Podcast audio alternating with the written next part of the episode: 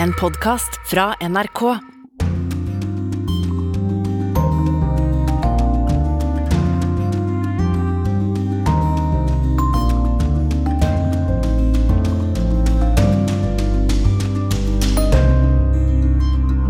Opprøret i Iran fortsetter. Hvorfor risikerer så mange livet sitt? Vi har møtt noen av demonstrantene. Koronaopprøret i Kina sprer seg. I går kveld eksploderte det også i Xinjiang-provinsen. Hva bryr fotballgale brasilianere seg om akkurat nå?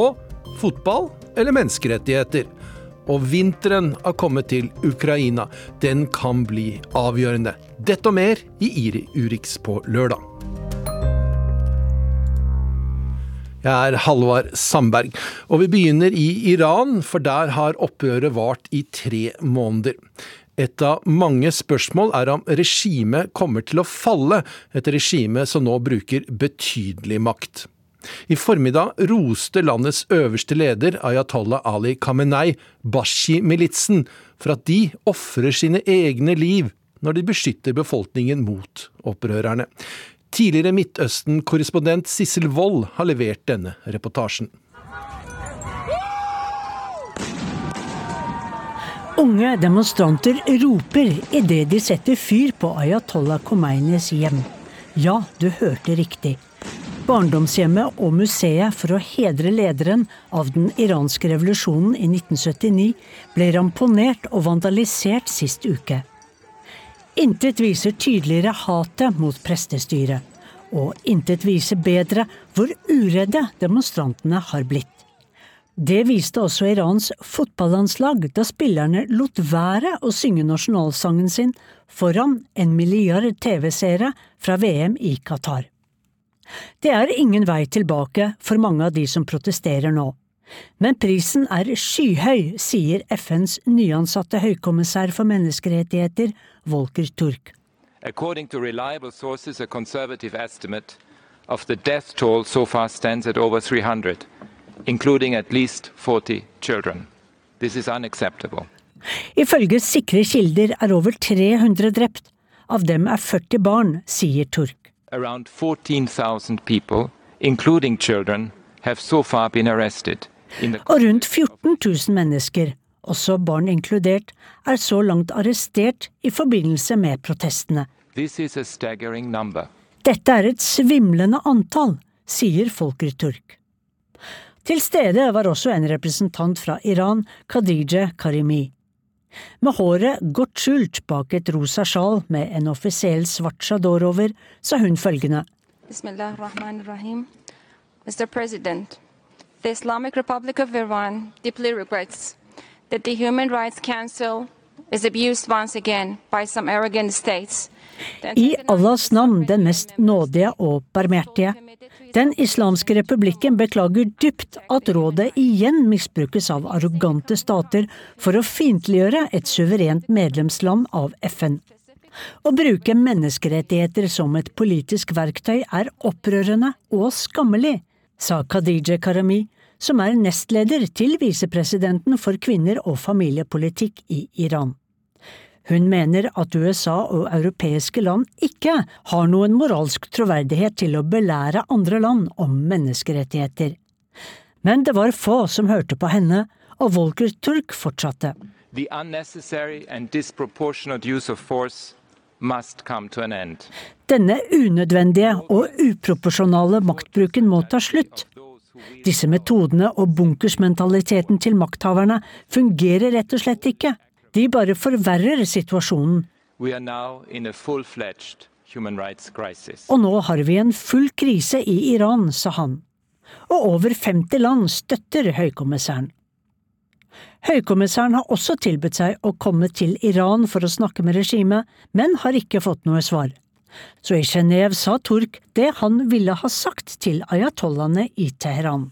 Women and girls must be able to feel free and secure in public without fear of violence or harassment, to live in safety and be able to participate in public life on equal footing with men.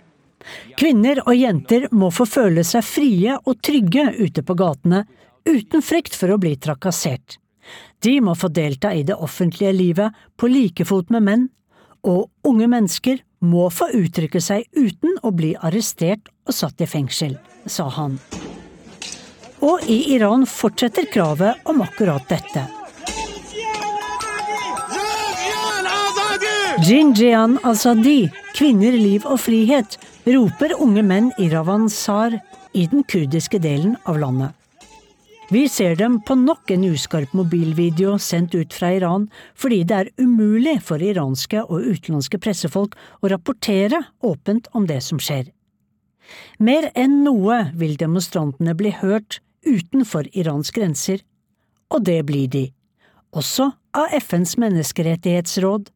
Men hjelper det?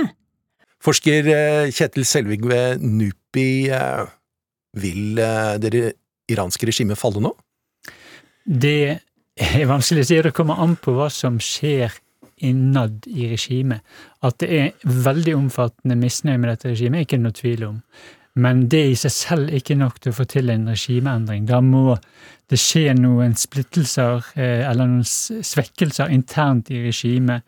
Man får manglende lederskap eller intern splid eller ordrenekt som gjør at dette regimet ikke lenger er i stand til å undertrykke disse protestene, som uansett nå ruller i gatene i Iran.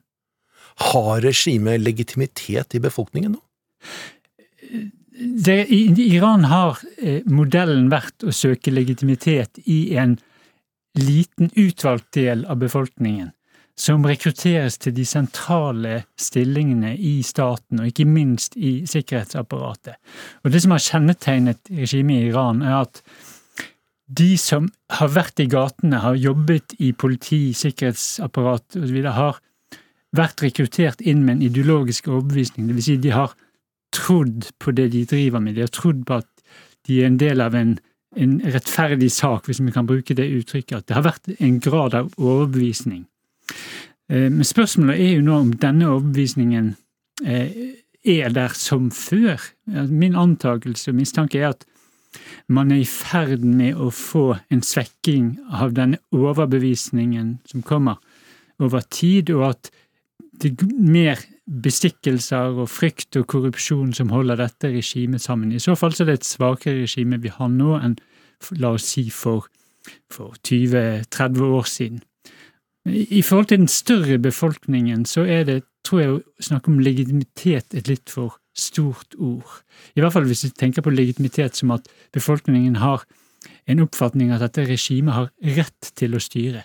Til det tror jeg at vi har hatt altfor mange kriser og tillitskriser eh, mellom befolkningen og, og, systemet. Men systemet prøver å appellere til den tause befolkningen her i Iran ved å si hva som kan skje dersom dette regimet blir borte.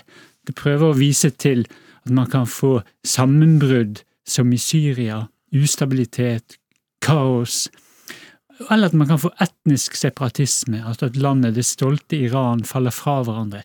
Det er oss eller, eller syndefloden. De som sitter med veldig mye våpen i det landet, det er jo revolusjonsgarden. Eh, vil de gå over til demonstrantenes side, tror du? Er det mulig? Det tror jeg virkelig ikke er mulig, for dette er noe som er bygget på De er rekruttert systematisk inn på ideologisk overbevisning. Det som derimot kan skje, er at man får maktkamp mellom ulike fraksjoner av revolusjonsgarden eller andre viktige deler av sikkerhetsapparatet.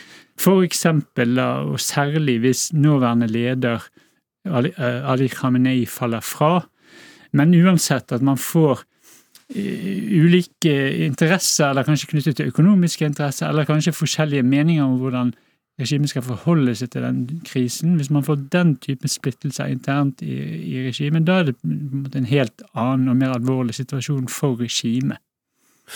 Men regimet, det er mullaene, ikke sant? Vi snakker om det. Ja, det er for enkelt.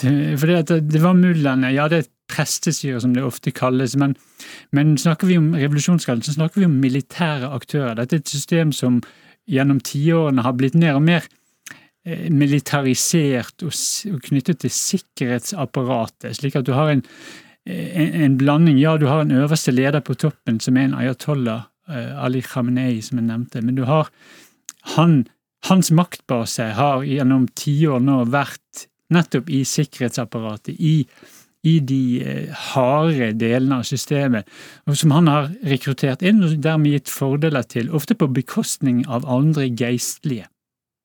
Så hvis befolkningen greier å si, få til regimeendring, eh, og regimeendringen blir at de militære sitter og styrer totalt, og at eh, presteskapet de er ikke en faktor lenger, vil Iran være annerledes da? Da vil Iran være annerledes. Det er ett scenario at du kan få istedenfor et religiøst eh, eh, diktatur, så kan du få et militært militærdiktatur i Iran. Det er selvfølgelig én eh, mulighet, og at uansett Et stort spørsmål er jo hva som skjer når nåværende leder faller fra. Da er jo, slik det ser ut nå, militære slash sikkerhetspersoner godt posisjonert til å ta makten. Men vi må ikke glemme at folk også finnes her og har helt andre oppfatninger om hvor dette skal gå, og så har en ganske klar eh, overbevisning om at, om at eh, demokrati er veien framover, og ikke vil finne seg i det. slik at vi kan ikke bare ta for gitt at det vil skje, fordi vi ser at det iranske sivilsamfunnet er utrolig aktivt og mobiliserer bredt, og, og har gjort det også lenge. Tusen takk for denne innsikten.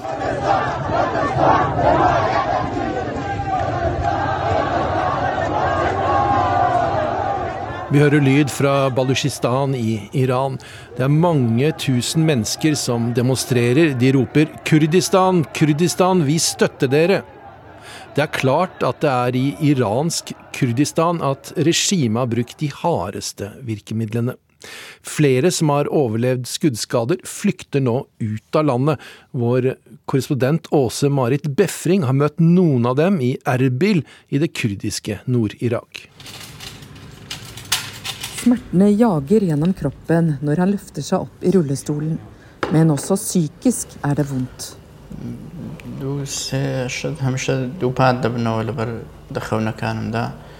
Øyeblikket jeg ble skutt, forfølger meg i drømmene. Jeg har ofte mareritt om at de skyter og slår meg, sier Peyman Golabi.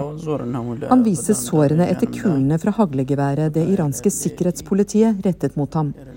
Kulene i kneet gjør det vanskelig å gå. De i skulderen har lammet den ene fingeren, og det er vondt å puste grunnet dem han har nærme viktige organer. Til sammen 38 kuler. Peyman Golabi deltok i demonstrasjonene fra første dag i midten av september. Som veterinær kunne han hjelpe dem som ble såret og ikke kunne oppsøke sykehus grunnet risikoen for å bli arrestert. Det var også det han gjorde da han selv ble skutt. Jeg forsøkte å stanse en blødning til en demonstrant da opprørspolitiet rettet gevær mot meg, forteller 28-åringen. Så slo flere av dem ham med batonger, før han ble trukket inn i en bil så voldsomt at klærne flerret av. Hele veien dit de tok ham, fortsatte mishandlingen.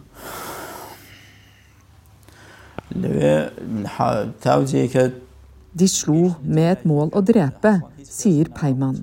Han hørte selv at de sa at han var død. Jeg fikk en telefon fra Iran. De sa at politiet sa at han er død. Og jeg tenkte ikke han er levende i det hele tatt. Jeg visste han er død. Det sier Aso Golabi.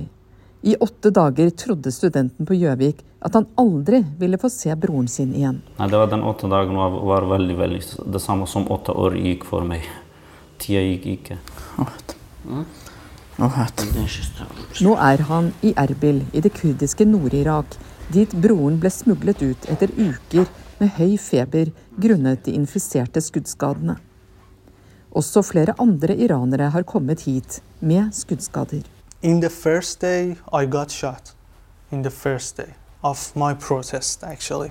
En av dem er 27 år gamle Masud. Dataprogrammereren ble skutt allerede første dag han deltok i demonstrasjonene i Teheran. Uh,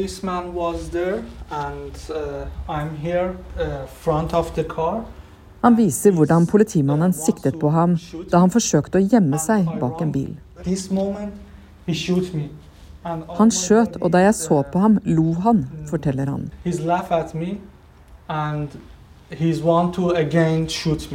Før han klarte å løpe vekk med kulene i kroppen.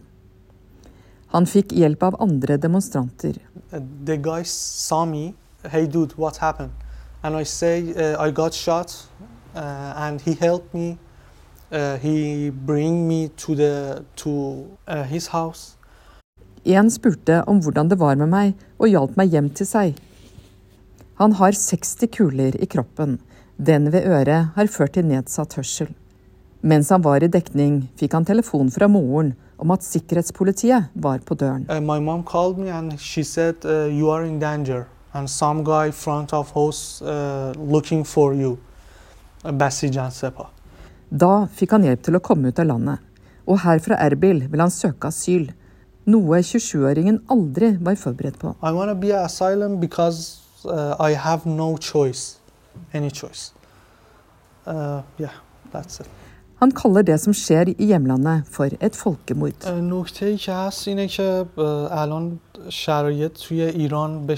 De skyter med skarpt, direkte på folk. De misbruker seksuelt både kvinner og menn, og slakter ned iranere. Hvordan kan verden ha diplomatiske forbindelser med et slikt land, spør han. I mellomtiden venter også Peiman i skjul på nye muligheter og døyver det meste av smerten med tabletter. Men det hjelper ikke for alt. Han skriker veldig hardt. og så jeg, Han drømmer mye om eh, når de folkene Han ser mye folk er døde. Og han ser mye folk som er skada fordi han pleide å hjelpe dem. Han ser ganske mye av dem, og han har ikke opplevd for sånne ting.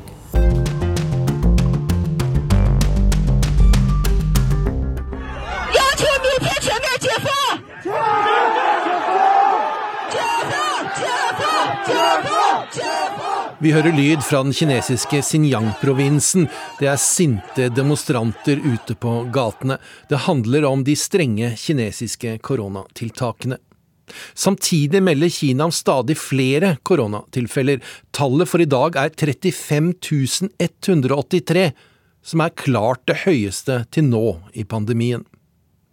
Store protester vest i Kina i går kveld, altså. Protester som vi til nå bare har sett andre steder i landet. Denne demonstrasjonen ble utløst av en boligbrann som kostet ti mennesker livet. Folk sier koronatiltak hindret brannmannskaper i å rykke ut tidsnok. Asia-korrespondent Philip Lote, hvor sensitivt er det egentlig at protestene skjer i denne regionen, den muslimske regionen, hvis vi kan kalle den det? For det første så viser de at folk her nå er så lei. Her i denne uh, hovedstaden der, Urumqi, så har noen sittet i 100 dager hjemmekarantene. Uh, og det viser at prosessen protestene spenner over hele Kina. Så er det sensitivt, for det er her Kina blir kritisert for å undertrykke og internere flere millioner uigurer, altså den tyrkisktalende muslimske minoriteten. så her er nok myndighetene veldig vare for å stanse det som kan være av eh, uro. Du står nå selv midt i et nært folketomt Beijing. Jeg syns jeg hører trafikklyder i bakgrunnen der. Så er selvsagt spørsmålet til deg hvorfor fortsetter Kina med de strenge smitteverntiltakene? Ja, dette er en lørdag. Jeg står midt i forretningssentrum av Beijing eh, med store kjøpesentre. Her er det nesten ikke folk. Det er faktisk sånn at de har flyttet ut eh, teststasjoner, folk må jo teste seg hver dag, eh, ut av denne delen eh, til der hvor folk bor, fordi folk skal jobbe hjemmefra og egentlig ikke flytte seg ut. Så er det jo det som kinesiske myndigheter selv innrømmer, at de har kanskje ikke et helseapparat til å takle takle en oppgang. De vet uh, i smitten, de vet at uh, eldre vil bli syke, de vet at dødstallene uh, vil stige. så Derfor så fortsetter de med restriksjonene, og de famler. De vet ikke helt hvordan de skal åpne opp uten å unngå en radikal økning i smitten, og at folk skal bli syke. Så det er grunnen. de har en av de laveste altså Hvis du ser i forhold til økonomien i Kina, så har Kina en av de laveste gradene av intensivsenger per innbygger i den forholdsvis rike delen av Asia. Og det blir jo verre og verre jo lenger ut på landsbygda man beveger seg. Ut fra hvordan du beskriver situasjonen i hovedstaden Beijing, så antar jeg at det ikke er noen demonstrasjoner der? Det har vært noen protester, og det er da i eh, boligstrøk som har blitt stengt ned, hvor folk sier at eh, de har krav på å gå ut og gått i forhandling med nabolagskomiteer og politiet, og faktisk vunnet frem i en del tilfeller. Så det er også på sosiale medier her blitt spredt videoer og delt uh, meldinger som viser at folk heller ikke her nødvendigvis finner seg å bli stengt inne. Uh, særlig ikke hvis de bare har eh, noen få tilfeller, eller bare noen tilfeller av folk som er definert som nærkontakter. Takk til deg, Philip Lote, for den rapporten. Vi skal bry oss litt om det som mange bryr seg om akkurat nå, fotball-VM for herrer i Qatar. For fotballstormakten Brasil er en av favorittene. Men hvordan forholder fotballgale brasilianere seg til et mesterskap der politikk langt på vei har overskygget det sportslige. Vår mann i Rio de Janeiro, Arnt Stefansen, var på fotballpub da Brasil spilte sin åpningskamp nå på torsdag. Jeg er på Real Shop, en av de mest tradisjonsrike fotballpubene her i Rio de Janeiro. Det er et fargerikt sted, pyntet i Brasils nasjonalfarger, gult og grønt. Store TV-skjermer er satt opp, og det er stappfullt i lokalet. Det er flest menn, men det er også mange kvinner. Og folk nyter sin øl og sin churrasco, den berømte brasilianske kjøttmiddagen. Det er pur hygge og forventning, og optimismen er stor foran åpningskampen mot Serbia. 3-1 para Brasil. Det blir 3-1 til Brasil, sier den 72 år gamle Celio Rotrin her fra Rio. Er du sikker? Ja, jeg er sikker, svarer han. Og 72-åringen tar ikke mye feil. Det blir 2-0 til Brasil etter storspill i annen omgang. Og puben eksploderer i glede. Jeg elsker fotball, sier Adilson Cuoto, som har farget håret gult og grønt i anledning fotball-VM. É como se a gente pudesse alimentar dele. Det er nesten så man kan ernære seg av dette spillet. Man føler seg mettet av glede og tilfredshet. Vi glemmer problemene og nyter disse dagene når laget vårt spiller i VM. Det er viktig for meg og for hele landet, sier fotballentusiasten her i Rio de Janeiro.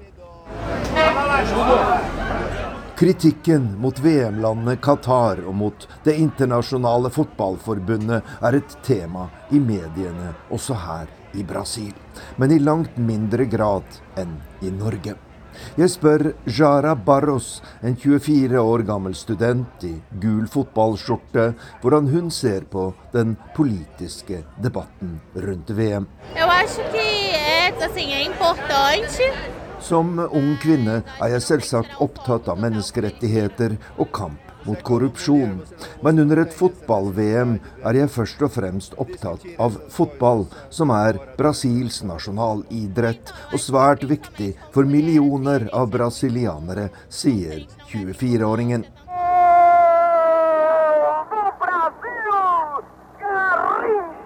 Legenden Gahincha spilte hovedrollen da Brasil vant sitt tredje fotball-VM i Chile i 1962. I alt står landet med fem VM-titler og er fotballens supermakt.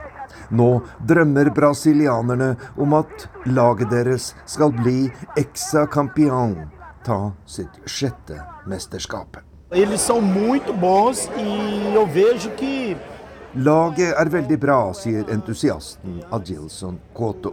Fotballen er riktignok en annen enn i Brasils glansdager, da vi hadde Pelé, Garincha og andre stjerner. Da spilte man for landet og for gleden. Nå er det pengene som rår. Men vi har fått en god start i dette mesterskapet, og jeg tror vi vinner, sier mannen med den gule og grønne hårpryden.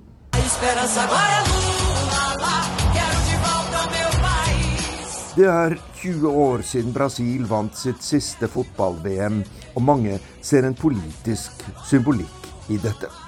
Venstrelederen Lula da Silva vant sitt første valg nettopp i 2002, og er nå valgt til president på ny. Jeg håper vi får en ny, god periode for Brasil, og en VM-seier vil være en utmerket start, sier Junior Barbosa, som jeg møter på fotballbaren. Etter et valg preget av mye strid og bitterhet, håper jeg at vi brasilianere nå kan komme sammen igjen. Høyrekandidaten Bolsonaro gjorde fotballdrakten til et partisymbol og splittet landet.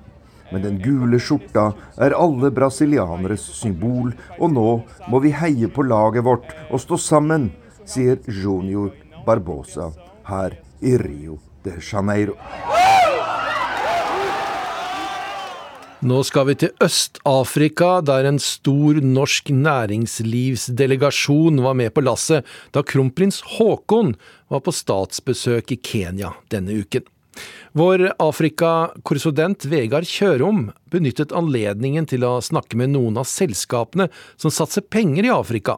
Et kontinent med mange forretningsmuligheter, men også et område der investeringsrisikoen er stor.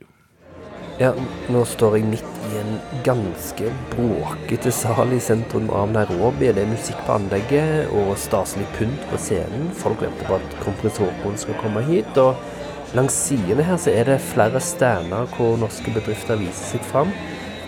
Og Jeg tenkte å høre mer med noen av de selskapene her om hvorfor de satser pengene sine her i Øst-Afrika. Hei. Vegard heter jeg. Marit. Marit, kan du forklare hva er det du har her? Ja, altså inni den store grønne greia så er det jo en eh, klave som skal henge rundt eh, dyret, dyret, enten om det er ku, sau eller elefant, det går òg an. Eh, så det er jo satellittsporere for beitedyr, rett og slett. Så det her, har vi jo utvikla og laga for mine sauer på Kvikte. Og så har vi nå da havna i Kenya på storfesporing.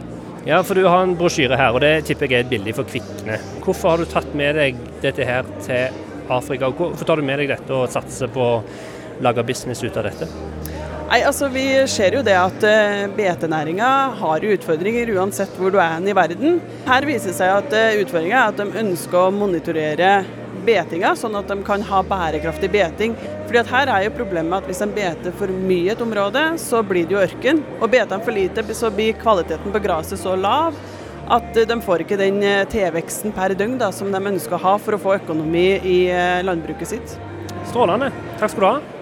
Det er, mange, det er mange norske bedrifter. Mange av de driver med jordbruk, en del òg med, med grønn energi og omstilling til et grønnere samfunn. Jeg tenkte nå å snakke med en av de som har vært her en stund, og som kanskje er en av de største norske bedriftene i Kenya. Mester Grønn, jeg, eh, er, det, er, det, den ekte Mester Grønn jeg snakker med, forresten? Ja, det er det. Ja, Men du heter egentlig? Erling Ølstad. Du har ganske lang erfaring med å være i Kenya og drive business her? Vi har vært her siden 1999, eh, så det har vært en kjempespennende reise. Et spørsmål som kommer til mitt hode, er hvordan sikrer du at arbeidsforholdene er gode nok?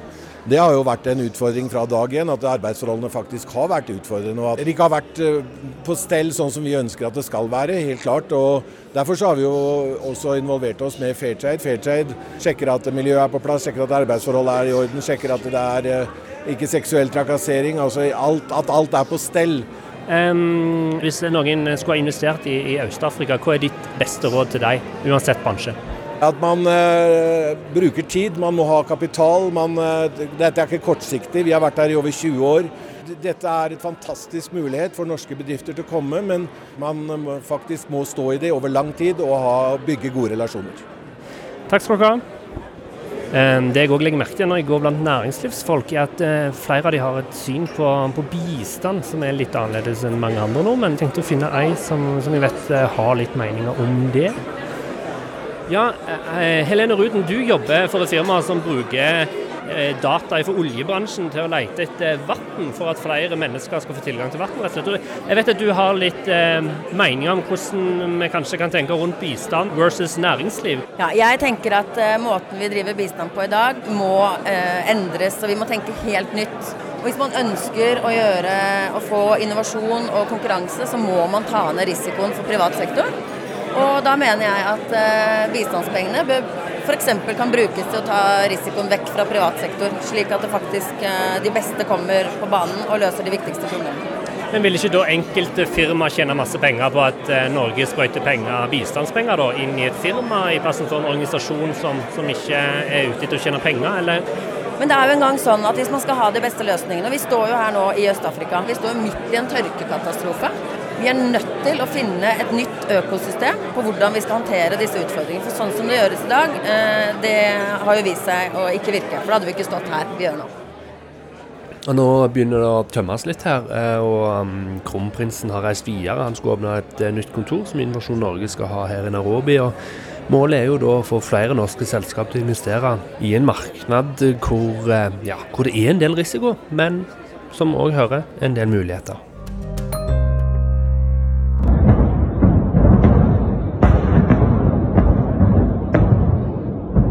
Vi hører lyd fra fronten i Ukraina. Det er fra Bakhmut i Donbas. Det er snø på bakken. Det er dunkelt blått lys. Vinterkrigen har begynt. Velkommen hit, tidligere sjef for Hæren i Norge, general Odin Johannessen. Tusen takk. Du har også vært sjef for Brigade Nord, og burde vite en del omkring det med vinterforhold og kriging. Hvilke spesielle utfordringer gir vinterstrid? Vinterstrid er noe med det mest komplekse man kan drive med. Alt går langsommere. Alt eh, blir vanskeligere fordi at eh, temperatur, gjørme, snø Alt påvirker måten vi opererer på.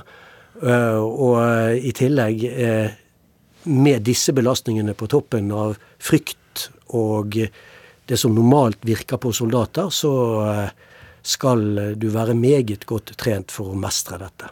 Godt trent, men hva skal til for å være vellykket? Det begynner med soldatene. Godt trente soldater. Godt materiell. Godt vedlikehold.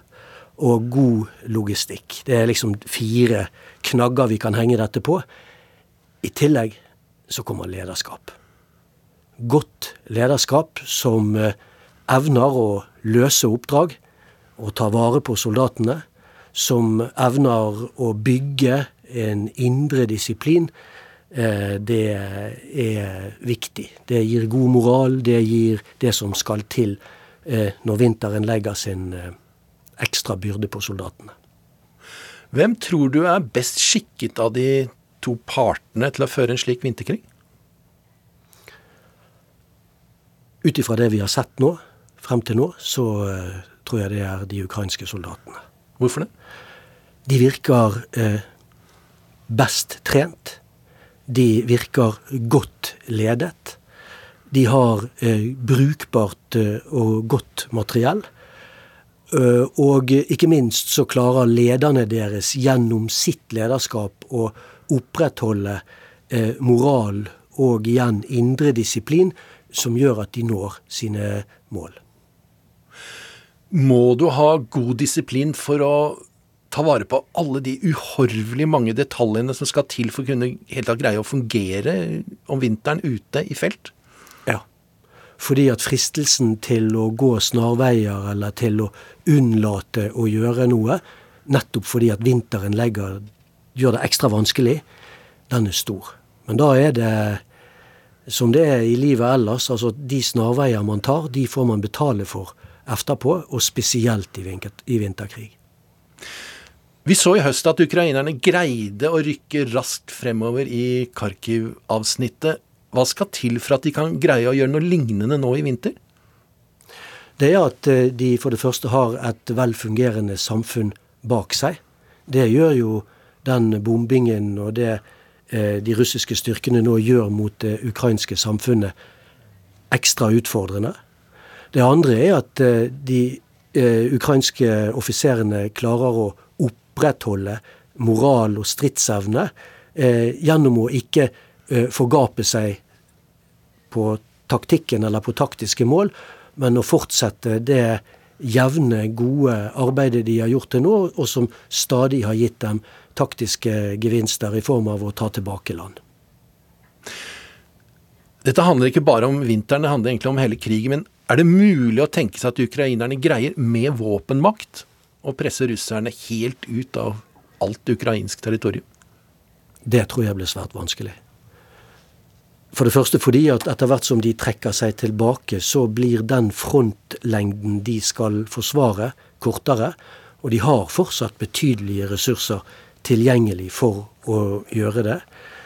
Eh, for det andre fordi at eh, Ukraina må også balansere dette med egne tap i forhold til taktiske gevinster. Eh, og det er en vrien balansegang når motstanden, når motstanden etter hvert hardner til. Takk for dette, Odin Johannessen. The Kiev independence has an unusual origin story. It was started by journalists who were fired from their previous newspaper for defending editorial independence. When the year 2022 began, we have just started the Kiev Independent. When we first started as the Kiev Independent, we started small and we didn't know if we were going to make it.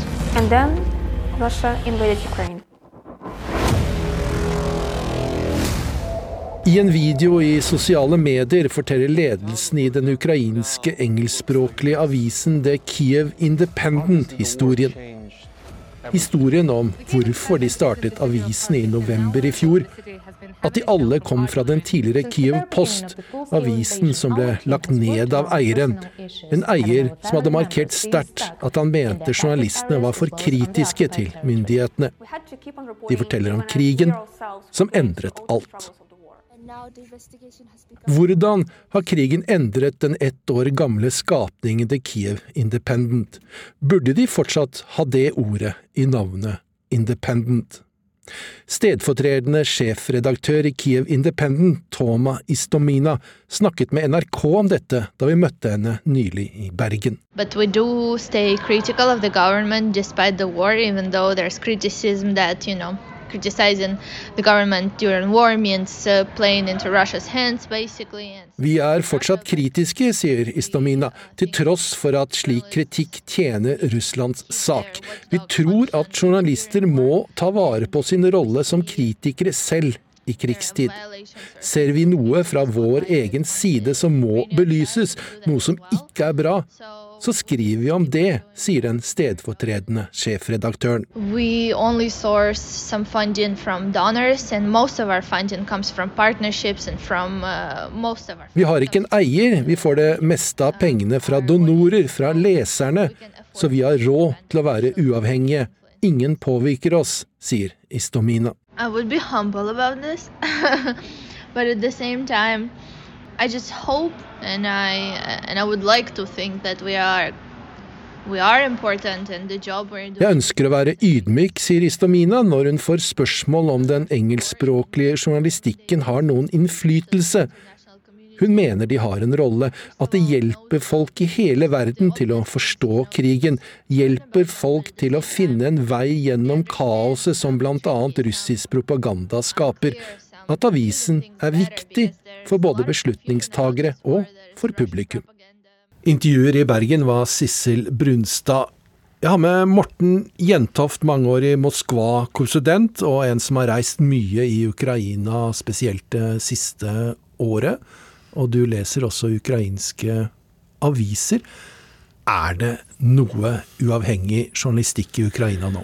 Det vil jo si at eh, det fremdeles er, men, eh, men, det er klart dette er et land under angrep, et land i eh, krig, og det legger jo selvfølgelig begrensninger på uh, journalistikken, ikke minst uh, dekningen av uh, de militære operasjonene da, til den ukrainske hæren. Der er det jo lagt klare begrensninger om at man ikke får f.eks. skrive om ting som kan bli oppfattet som militære hemmeligheter hemmeligheter som kan gi eh, russerne fordeler her. Sånn at, eh, og, og, I en sånn eh, kontekst som det, så er det jo mulig å være ganske brei i, eh, i det man mener man ikke ikke bør, bør skrive om.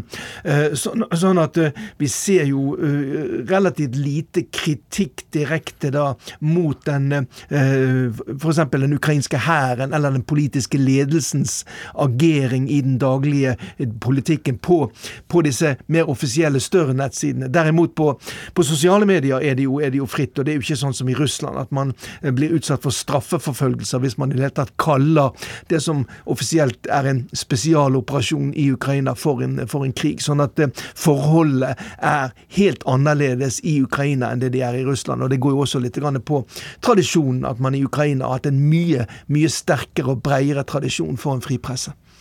En journalist, en ukrainsk journalist nå som blir anklaget for å være upatriotisk, det er vel litt alvorlig, det? Det kan nok, eh, kan nok være alvorlig, men, eh, men, men, igjen, eh, Ukraina har en mye sterkere tradisjon for eh, pressefrihet, for ulike synspunkter.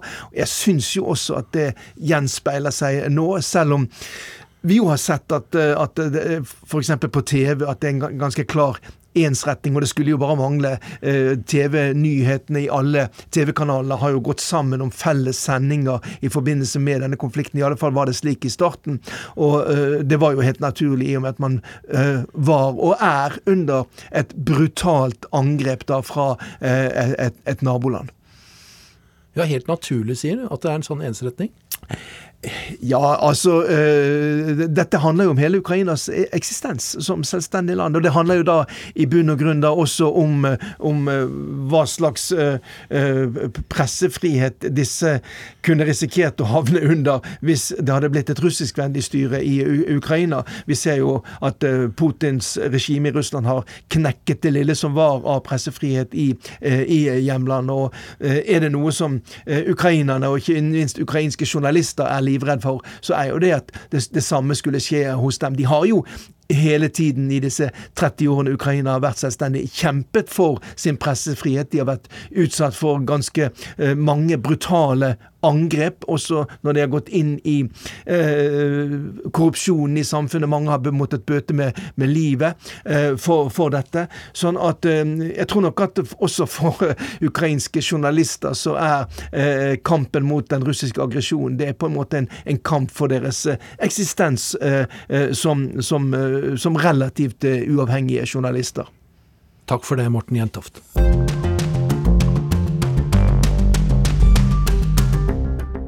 Vi gir oss ikke med temaet Ukraina, vi skal til Polen, et land som grenser til både det krigsrammede landet og til Russland. I år har landet tatt imot nesten fire millioner ukrainske flyktninger, men det har også blitt et tilholdssted for russere som rømmer fra mobilisering. Mens ukrainerne blir tatt imot med åpne armer i Polen, blir det stadig vanskeligere å være russer der. Et hav av gule og blå flagg utafor den russiske ambassaden i Warszawa. Kom dere til helvete vekk, ropes det taktfast på polsk. Oppfordringa er ikke retta mot Putin og hans soldater, men til russere bosatt i Polen og andre EU-land. Jeg har medfølelse med de i Butsja og de i Kiev. Men jeg har ingen, ingen empati med de som ble imot krigen først når de ble henta inn for å slåss. Dra til helvete ut fra Europa, hylte en av Polens fremste kvinnesaksforkjempere utenfor ambassaden i oktober. Russere er en av Polens nasjonale minoriteter, og før krigens start hadde 13 000 polakker russisk som morsmål. Sjøl om de ikke kan få turistvisum, kryssa 61 000 russere grensa til Polen i månedene etter invasjonen. De fleste hadde arbeids- eller studentvisum. Noen var flyktninger. Arton Filatov er en av de siste. In uh, here, in circles, uh i det russiske opposisjonsmiljøet her i Polen debatterer vi om det er trygt å komme til antikrigsprotester og vise at man er russer, og imot krigen.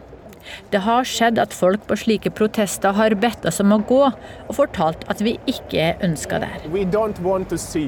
Filatov har søkt opphold i Polen på humanitært grunnlag, etter at avisa han jobba for i Russland ble stempla som utenlandsk agent. Han har selv ikke opplevd noe direkte ubehagelig, men forteller om en venn som ikke slapp om bord på et polsk fly fordi hun er russer. Hun hadde et russisk pass med et polsk flyktningvisum og ble nekta å borde flyet. EU-landet Polen grenser både til Lukasjenkos Hviterussland, det krigsramma Ukraina og mot Russland. Den geografiske beliggenheten og de politiske forholdene har resultert i at mange naboer har bosatt seg her. Siden invasjonen i februar har det kommet fire millioner ukrainske flyktninger. Sammen med den millionen som jobber i Polen fra før, utgjør ukrainere den klart største innvandrergruppa. På et lager i Warszawa sitter en gruppe ukrainske kvinner som tar imot og sorterer varme klær som skal sendes til fronten. Krigen har skapt en isfront mellom de to innvandrergruppene. Siden 24. februar har jeg ikke møtt en eneste russer, og det er bra. Vel, kan hende har jeg møtt russere, men jeg har bevisst ignorert de. Og sånn skal det fortsette. Sier Luba, som bruker all sin tid på å sende medisin og klær til landsmenn på andre sida av grensa. Her er NRK Dagsnytt klokken 22. To raketter som skal ha vært russiske, slo ned i Polen. Sist uke ble Polen utsatt for et missilangrep som drepte to mennesker. I de første nyhetsmeldingene ble det fortalt at rakettene ble skutt ut fra Russland. Og både polakker og andre av Ukrainas allierte frykta i noen timer at Nato-landet Polen hadde blitt dratt inn i krigen. Artom Filatov var redd for at han nå vil bli kasta ut av sitt nye hjemland. Jeg var redd da jeg hørte om angrepet. Jeg begynte å frykte at jeg kom til å bli sendt ut av Polen. Situasjonen blir stadig mer ustabil. Dette er definitivt ikke en god tid å være i Øst-Europa med et russisk pass.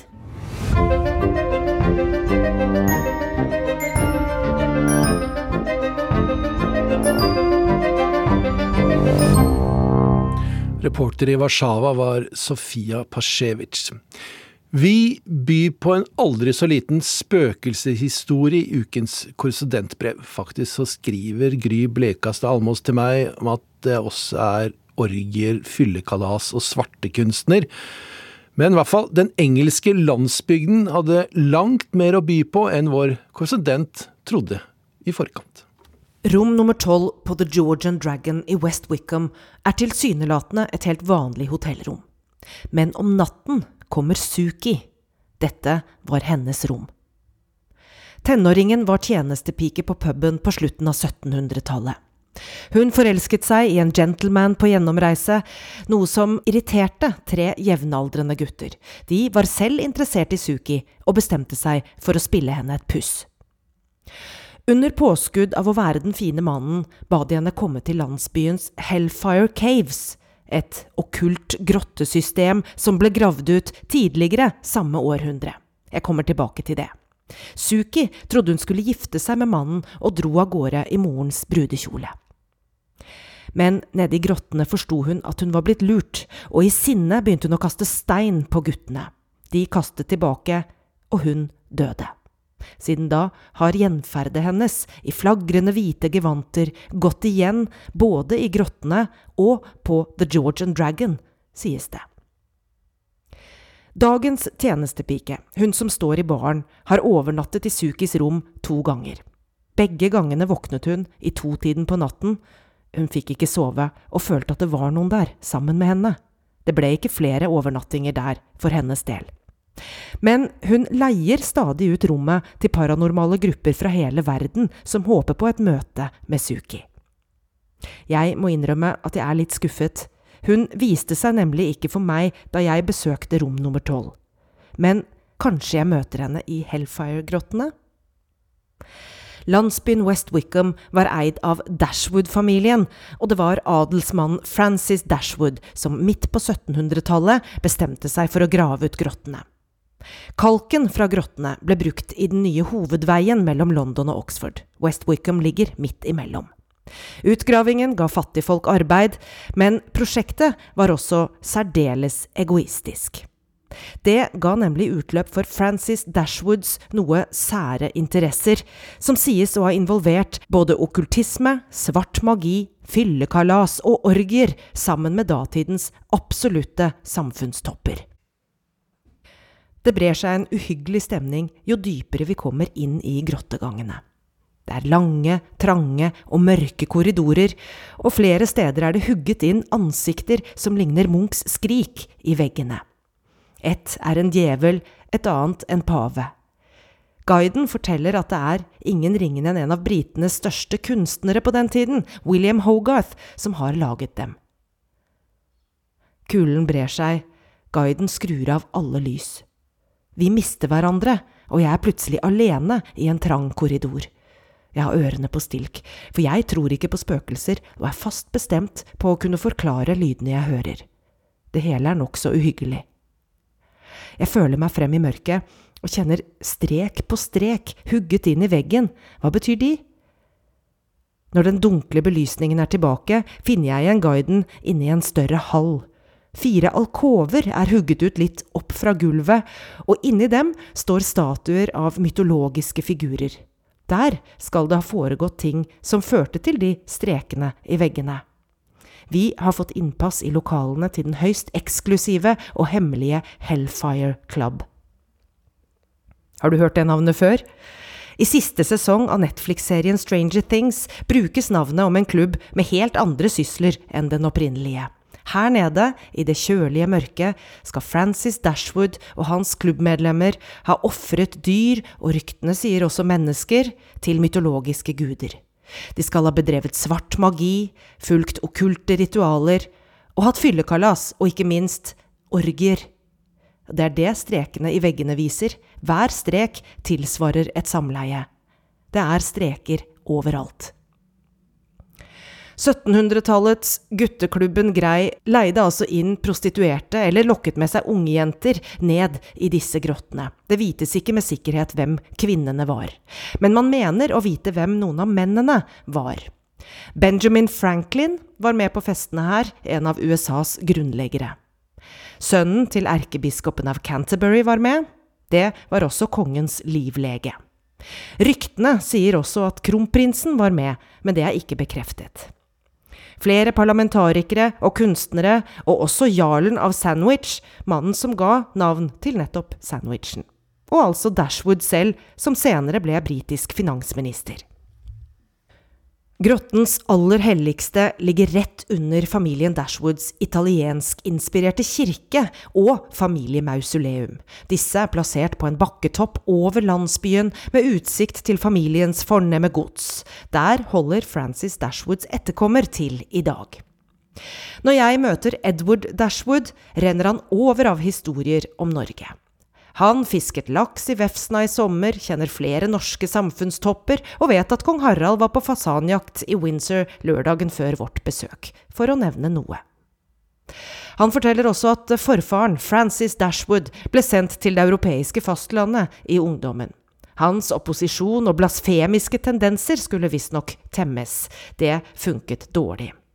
Han skal både ha blitt utvist fra datidens Vatikanet, ha gjort narr av svenskekongen og prøvd seg på tsaren av Russlands kone.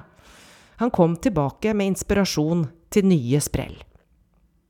Han bygde etter hvert om godset i West Wickham til å ligne et italiensk palass, omgitt av en enorm park med små templer hist og her.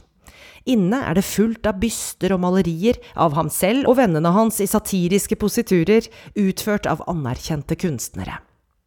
Du har kanskje sett godset i Downton Abbey, The Crown eller Fast and Furious. Det har forestilt alt fra et russisk herskapshus til Det hvite hus og Buckingham Palace. Den store utenlandsreisen inspirerte trolig Dashwood til å danne Hellfire Club og etablere grottene det går gjetord om den dag i dag. Midt under familiekirken, som symboliserer himmelen, ligger grottens indre tempel, ment å være helvete. Og der jeg betrakter offerbordet midt i tempelrommet i halvmørket, kan jeg levende forestille meg at det var nettopp det, et helvete for de som ufrivillig ble brakt ned hit. Det er skummelt nok for oss som er her av fri vilje. Hvor kom det vindpustet fra? Hva var den skarpe lyden? Hvem tok meg i håret? Det er guiden som spør. Når 19-åringen er alene i grotten og skal stenge av for kvelden, er hun overbevist om at hun har selskap av Suki. Eller Paul, Det er nemlig to gjenferd i Hellfire Caves. Paul Whitehead var en satirisk dikter og klubbens sekretær. Han var også en nær venn av Francis Dashwood. Mer enn venn, antydes det. Da han ble alvorlig syk og skulle dø, slettet han klubbens dokumenter, og dermed alle bevis på hva som egentlig skjedde nede i grottegangene her. Men han gjorde noe mer, han ga sitt hjerte til Dashwood. Og da mener jeg ikke i overført betydning. Hjertet til Paul Whitehead ble plassert i en urne som fremdeles står i et av avlukkene i grotten. Men selve hjertet ble senere stjålet, og siden den gang har han gått igjen i de mørke, trange grottegangene, påstås det. Jeg tar et ekstra drag av den friske lufta når jeg endelig kommer meg ut i friluft. Opp fra virkelighetens versjon av Stranger Things Upside Down. Ut i markedsbyen, som viste seg å være langt mer enn en bevaringsverdig idyll eid av stiftelsen National Trust. Jeg har informasjon om at eh, korrespondent Gry Blekastad Almås gledet seg i forkant før dette besøket til grotten til Hellfire Club, og at hun har kommet seg greit gjennom det i etterkant. Urix på lørdag er over for denne gang. Teknisk ansvarlig Ragnhild Bjørlykke, produsent Arild Svalbjørk, og i studio satt jeg, Halvard Sandberg.